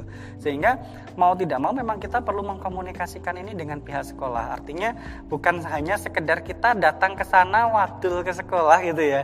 Kita uh, apa namanya mengeluh ke sekolah, tetapi bagaimana Pak saya minta tolong berikan solusi buat kami gitu ya. Karena ketika misalnya kami diajar dengan cara hanya seperti ini, misalnya cuma diberikan tugas dan lain sebagainya, ini kami sulit nih memahaminya karena tidak ada materi di situ. Sehingga kami butuh misalnya begini, sebelum ada tugas tolong dikasihkan materinya terlebih dahulu supaya dibaca anak, kemudian anak bisa mengerjakan. Nah, misalnya itu kan sebuah usulan gitu ya. ya. Jadi supaya sekolah pun juga bisa membuat uh, apa ya istilahnya uh, sistem yang jelas begitu ya.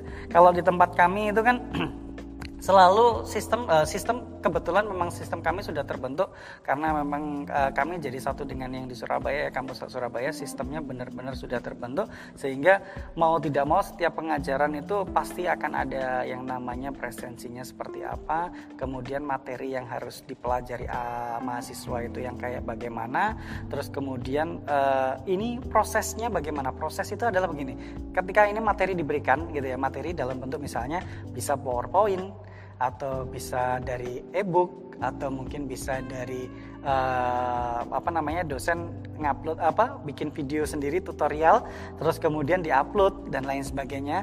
Terus kemudian setelah setelah materi itu uh, diberikan di bawahnya ada prosesnya. Prosesnya itu adalah bagaimana kita berdinamika dengan mahasiswa misalnya dengan tanya jawab dan lain sebagainya. Nah dari situlah yang mungkin uh, setelah itu kita kan bisa tahu oh iya ternyata ada beberapa mahasiswa yang tidak paham dengan materi yang ini. Selanjutnya evaluasi. Evaluasi dalam bentuk kuis tugas makanya kan banyak yang uh, kemarin ada kalau tidak salah uh, yang bertanya bahwa tugasnya cukup banyak memang hmm. benar gitu ya kita diwajibkan bahwa ada ada evaluasi di setiap akhir perkuliahan. Nah, seperti itu. Sama mungkin di dalam pendidikan pun juga sama. Evaluasinya ya dalam bentuk tugas gitu loh. Mau ndak mau supaya kita tahu bahwa anak memahami tentang materi ini ya ini dari tugas.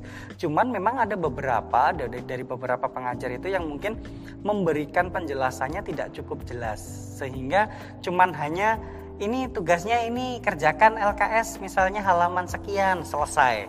Nah, misalnya yang dengan yang uh, model dengan pengajar yang seperti itu ya kita mohon dengan sangat misalnya uh, kita datang ya bukan kita terus akhirnya menyalahkan si guru tersebut nggak. Kami mohon dong uh, kami diberi solusi supaya pengajarannya uh, lebih kayak misalnya diberikan materi terlebih dahulu. Nah, seperti itu. Sehingga uh, ini ada kerjasama. Memang ini dibutuhkan kerjasama antara pihak sekolah dengan orang tua Artinya tetap uh, orang tua memberikan laporan tersendiri bagaimana uh, apa namanya pembelajaran di rumah itu seperti apa, kesulitannya seperti apa gitu ya. Kalau misalnya kita harus mem, apa namanya memaksakan uh, dan menyalahkan lah kamu kan orang tuanya bagaimana mendidiknya nah ini memang kita tidak bisa artinya memang mungkin kemampuannya terbatas dalam hal memahami soal-soal atau mungkin permasalahan permasalahan-permasalahan yang dijadikan dalam materi-materi itu. Nah seperti itu. Ya mungkin intinya adalah uh, kita perlu berkoordinasi dengan pihak sekolah. Kita harus ada kerjasama dengan pihak sekolah. Dan ketika kita datang ke sekolah untuk kita uh, menawarkan kerjasama itu ya alangkah baiknya ya kita datang ya sebagai uh, orang yang apa ya ayo pak kita kerjasama ya nah kan gitu ya. Bukannya pak kamu ini gimana sih pak? Nah kan kayak gitu beda gitu ya. Artinya kita datang dengan benar-benar ayo pak kita kerjasama yuk. Ini bagaimana nih caranya yang seperti ini? Nah jadi uh, dengan seperti itu mungkin pihak sekolah pun juga akan terbuka menerima uh, menerima ajakan orang tua yang seperti itu. Dibandingkan ketika kita datang sambil uh, kita marah-marah lah ini gimana oh, cuma bisanya bisanya cuman uh, apa namanya uh, ngasih tugas, tugas terus habis itu ditinggal suruh ngumpulin kasih tugas dan lain sebagainya. Nah, kalau cuman hanya sebatas itu saja mungkin permasalahan nggak akan selesai. Maka silakan mungkin kita bisa mencoba untuk ngajak sekolah untuk kerjasama bagaimana untuk membantu supaya anak ini juga akan bisa lebih mudah dan orang tua pun juga akan lebih mudah bagaimana mengajari si si anak ini kan seperti itu. Kita ke live chat yang berikutnya. Mm-mm. Ini dari Pendeta Virgo. Nah, bagaimana membangun sinergisitas antara sekolah dan orang tua dalam masa PJJ ini? Baik, oke, ini cukup menarik juga nih ya. Nah, ini memang memang harus dimulai sebenarnya memang harus dimulai dari pihak sekolah. Cuman kadang kan ada yang pihak sekolah mungkin eh, terlewatkan begitu ya, terlewatkan karena mungkin saking banyaknya pekerjaan yang harus mereka selesaikan dan lain sebagainya, sehingga mungkin terlew- terlewatkan dengan eh, apa namanya eh, memperhatikan kondisi-kondisi yang seperti ini. Nah, kalau misalnya sudah seperti itu yang kondisinya yang terjadi, maka orang tua mungkin eh, punya kewajiban untuk mengingatkan gitu ya, mengingatkan ya, bukan hanya terus sekedar menegur, Pak kok gini sih, Bu kok gini sih, ya enggak. Cuman kita perlu mengingatkan bahwa ada kesulitan seperti ini di dalam eh, pengajaran di rumah. Nah, kalau misalnya memang eh, pihak sekolah memang menyadari bahwa ada kendala yang seperti ini mau tidak mau memang pihak sekolah harus terus-terusan berkoordinasi dengan orang tua. Misalnya seminggu sekali atau sebulan sekali lah ada evaluasi gitu ya. Apa yang kurang dari kami gitu ya. Sehingga eh, itu akan menjadi masukan untuk pihak sekolah Artinya ya mungkin mungkin mungkin sekolah akan juga capek juga ya. Artinya pasti akan mendapat banyak keluhan dari orang tua gitu ya. Tapi mau tidak mau memang kita eh, sekolah pun juga harus mengupayakan supaya pengajaran di rumah pun juga akan terjadi dengan baik kan seperti itu. Nah, seperti itu kalau itu dari pihak sekolahnya ya mau tidak mau memang harus membuka membuka wadah untuk menyediakan diri untuk apa namanya eh, mem- membuat sebuah kerjasama yang baik antara orang tua dengan pihak sekolah. Tetapi kalau misalnya kita lihat dari sisi orang tua, ya mau tidak mau kalau misalnya ini sekolah kok tidak ada tindakan apa pun gitu ya, ya mau tidak mau orang tua memang harus kerjasama eh, apa ya istilahnya datang ke sekolah untuk menawarkan itu atau paling tidak mengingatkan. Kan kalau di sekolah itu ada ini ya semacam komite atau apa seperti itu ya. Nah, ini Ya. mungkin bisa melalui, itu Melalui yang komite ya, bisa disampaikan untuk keluhannya. Betul, betul. Oke. Ya, jadi tadi intinya bahwa kita mempergunakan fasilitas Japri ya untuk uh, Ya. berkomunikasi dengan guru Betul, ini. betul. Jadi gurunya juga harus terbuka untuk menerima semua Ya. ini, pertanyaan keluhan. Ya. Kemudian apa ya solusi yang maksudnya yang uh, yang nyata gitu. Kalau dulu sih pernah itu uh, home visit gitu. Mungkin Ah, oke. tapi beberapa kali dilaksanakan setelah itu enggak mungkin karena Oke. setelah kegiatan itu ada yang tertular gitu loh Oh, kabarnya ya. jadi terus Nah, memang kondisi saat ini kan memang kita masih masih harus banyak jaga jarak ya. Artinya kita tidak tahu eh, lingkungan ini aman atau tidak seperti itu. Nah, yang mungkin bisa kita lakukan ya mungkin pertemuan secara daring. Kalau nggak usah terlalu lama lah, paling tidak kalau mel- melalui Zoom itu kan cuma hanya 40 menit ya untuk pertemuan ya. Sudah kita manfaatkan eh, pertemuan Zoom 40 menit untuk bertanya gimana nih ada ada keluhan apa nih? Gitu ya. Apa yang bisa sekolah bantu atau mungkin apa yang perlu sekolah tingkatkan? Nah seperti itu. Nah memang benar eh, ini pihak sekolah pun juga memang perlu eh, apa ya istilahnya eh, membuka diri tentang kritikan. Cuman orang tua pun juga perlu menyampaikan kritikan itu juga dengan eh, tidak dengan pedas gitu ya. Artinya eh, ketika orang tua menyampaikan dengan pedas otomatis eh, pihak sekolah pun juga akan merasa kami ini sudah capek-capek menyiapkan seperti ini kok masih aja dapat kritikan kan gitu ya. Ya, Ini ini wajar sekali eh, dan eh, cukup psikologis banget ya. Artinya ketika orang diserang pasti mereka akan bertahan gitu ya. Mau tidak mau eh, paling tidak supaya ini kerjasama ini eh, antara orang tua dengan pihak sekolah ini terjalin dengan baik. Mau tidak mau ya memang kita juga perlu strategi untuk menghadapi itu. Orang tua pun juga harus maju itu ya nggak cuma hanya sekedar datang ngeluh eh, mengatakan bahwa guru ini nggak bisa ngajar misalnya kan gitu ya. Kan ada yang seperti itu. Tetapi memang kita perlu pe- perlu datang kita istilahnya silaturahmi atau paling tidak ada komunikasi lewat Zoom atau apalah atau telepon gitu ya eh, menyampaikan bahwa ada apa namanya permasalahan yang seperti ini bisa nggak sih kalau misalnya eh, pelajarannya itu tidak hanya cuman hanya sekadar dikasihkan tugas saja Pak. Nah, tapi di depannya ini nanti ada Penjelasan. penjelasan terlebih dahulu gitu ya. Atau mungkin kan kadang ada ya beberapa itu yang mereka harus membuat video gitu ya. Saya pernah lihat di YouTube gitu ya.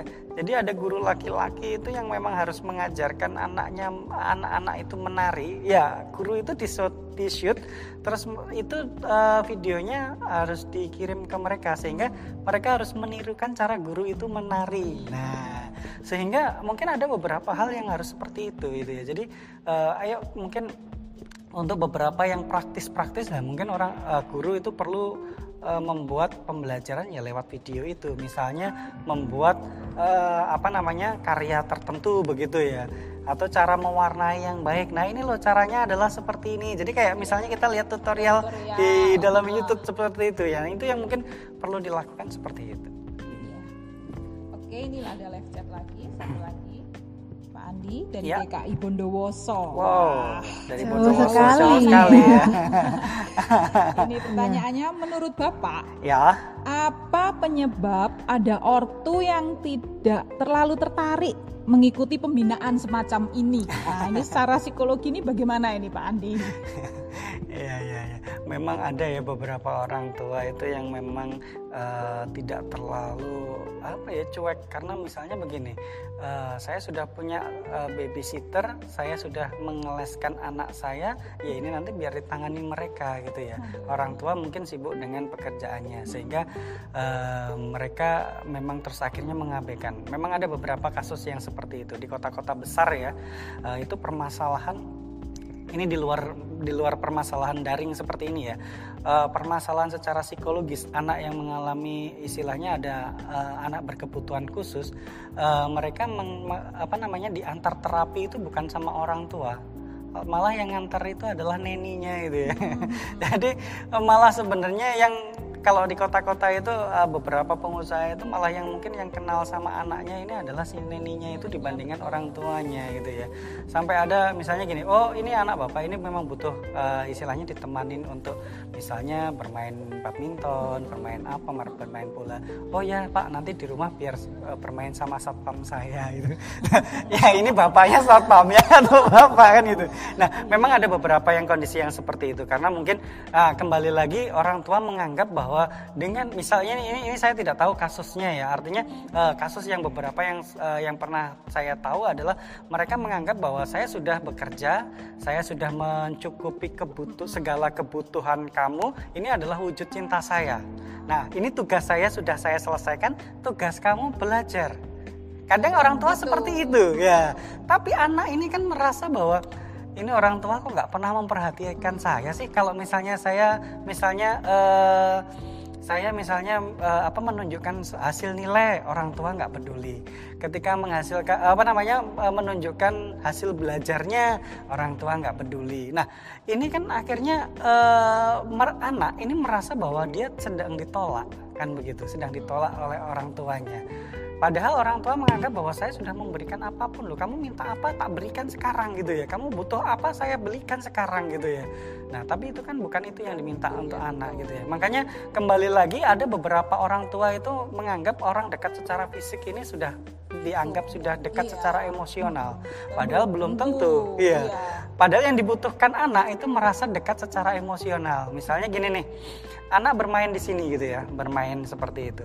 Orang tua ada di tempat di situ gitu ya. Cuman mungkin bisa misalnya baca novel atau nonton TV atau main HP gitu ya. Ini dekat secara fisik. Kalau kita mau tahu bahwa dekat emosional itu kita harus ngapain? Ya kita ikut bermain dengan anak gitu ya gitu. Saya jadi kalau misalnya saya di rumah itu kadang mainannya kereta-keretaan sama anak saya gitu ya. Mungkin orang bilang ini yang main siapa? Gitu ya. Nah, tapi itu itu salah satu untuk bagaimana kita mendekatkan diri dengan anak. Bagaimana kita memang menjalin uh, kedekatan itu memang tidak secara instan ya. Setelah gede kita membangun enggak. Tetapi memang dari kecil itu memang kita harus bangun seperti itu.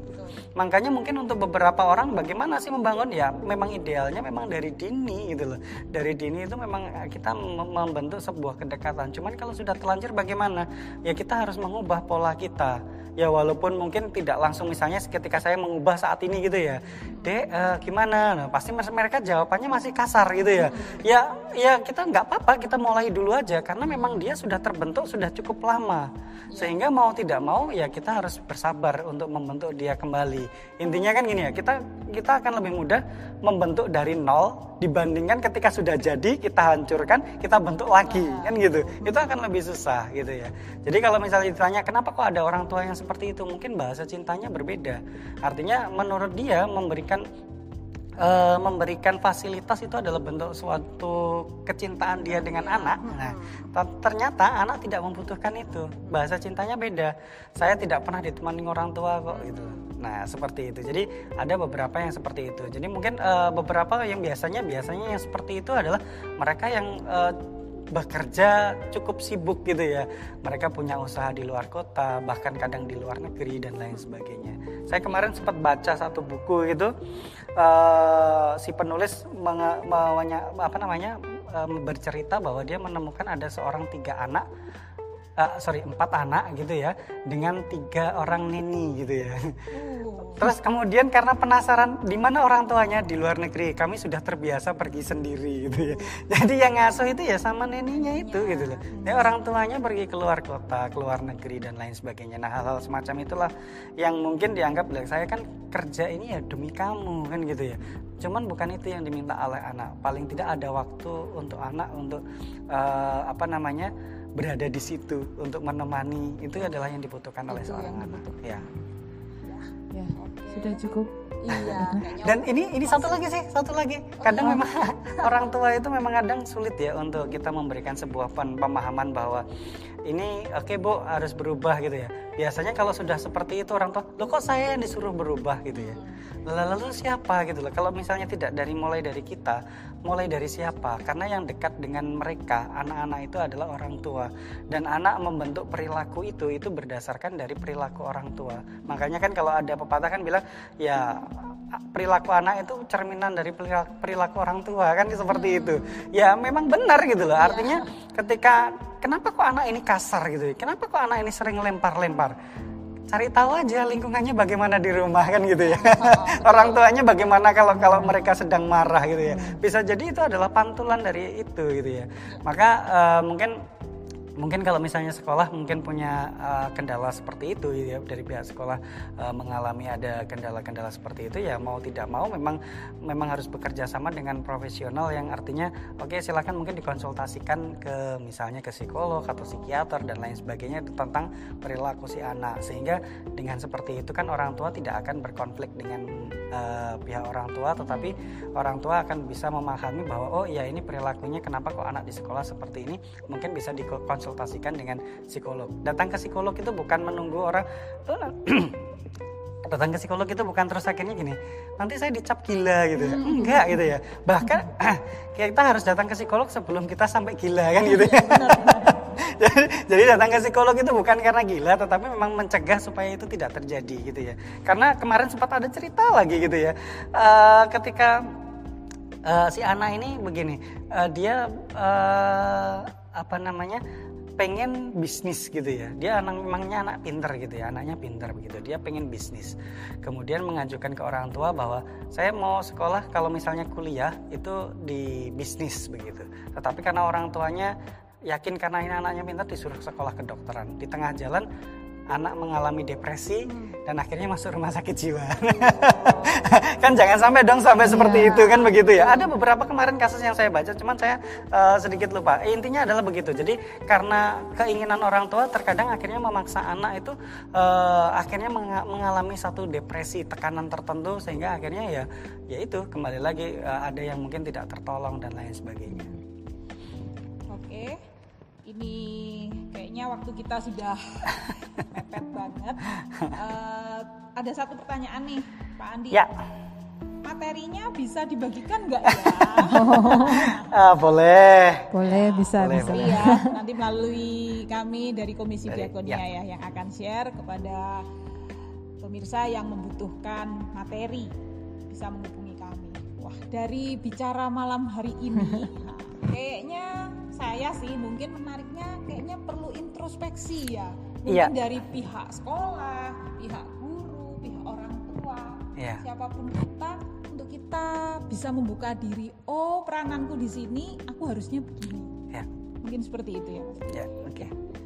Kita akan akhiri karena waktu, Oke. tapi silahkan Mas Andi closing statement untuk para pemirsa yang dengan setia masih menonton kita malam Baik, ini. eh, bagi ibu bapak yang masih setia menonton kami, eh, yang jelas begini, eh, kondisi di lingkungan rumah, eh, kondisi sekarang ini memang tidak bisa kita tolak. Kita mau mau memaksakan bahwa ayo sekarang kita masuk sajalah, nggak ada yang namanya corona atau apa pun itu. Yang jelas yang bisa kita lakukan adalah bagaimana kita bisa menerima bahwa kondisi yang terjadi saat ini adalah seperti ini dan kita memang tidak bisa menolak itu. Dan yang bisa kita lakukan adalah mari kita bekerja sama dengan beberapa pihak termasuk pihak sekolah untuk bagaimana kita menciptakan kondisi yang kita bisa sama-sama ini saling bekerja artinya kalaupun misalnya ini masih dalam kondisi yang harus daring ayo eh, bantu kami untuk supaya kami bisa menjelaskan ini kepada anak. Soalnya kapasitas kami tidak sampai bagaimana bisa menjelaskan ke anak.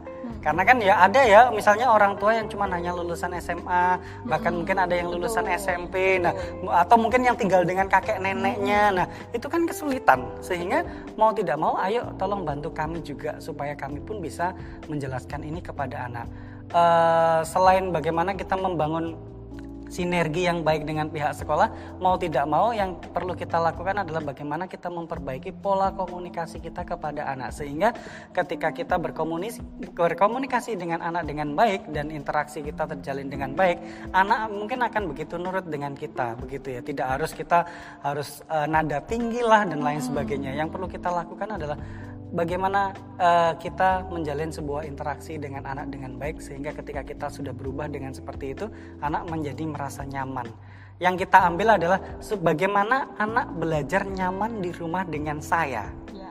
Jadi itu yang harus eh, poin penting yang harus kita lakukan karena tidak ada orang bisa nyaman belajar ketika dibentak-bentak, kadang ada kata-kata kasar dan lain sebagainya. Orang nggak akan nyaman. Jadi bentuklah situasi yang nyaman di dalam rumah dan kondisikan ruangan supaya ini adalah kondisi kalau misalnya jam belajar jam sekian sampai jam sekian ya itu harus dipatuhi. Jadi memang kita memang harus menyediakan waktu untuk mereka belajar. Jam sekian sampai jam sekian belajar. Nanti kamu boleh main kalau jam sekian. Nah, ini orang tua harus juga harus tegas.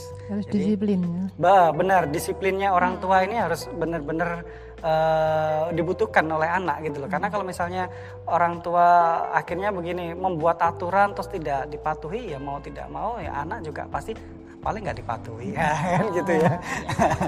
Ya, Begitu. Terima kasih sudah cukup. Ya. ya. Ya, Ya. sampai di sini berarti terima kasih kepada Bapak Andi yang sudah Sama-sama Bu Erna, Bu mendampingi kami Yayu. memberikan ilmunya. Juga terima kasih kepada pemirsa di rumah. Terima kasih juga kepada para orang tua yang sudah me- apa namanya mengirimkan pertanyaan-pertanyaan, juga live chat. Ini memperkuat materi yang bisa kita bahas malam hari ini. Mohon maaf apabila ada beberapa hal yang belum bisa Terjawab. terjawab malam ini namun mungkin bisa nanti kalau ada kurang atau bagaimana masih penasaran atau apa Kita buat sesi dua. wah kayaknya Ma- Pak Andi siap ini ya untuk kita adakan sesi dua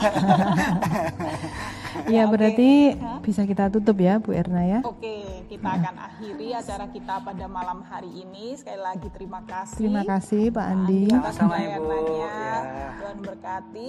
Kita akan akhiri acara kita pada malam hari ini. Kita akan tutup dalam doa. Mari kita berdoa. Tuhan adalah Bapa kami yang Maha Kasih, kami mengucap syukur atas penyertaan-Mu sehingga pembicaraan pada malam hari ini boleh berjalan dengan lancar.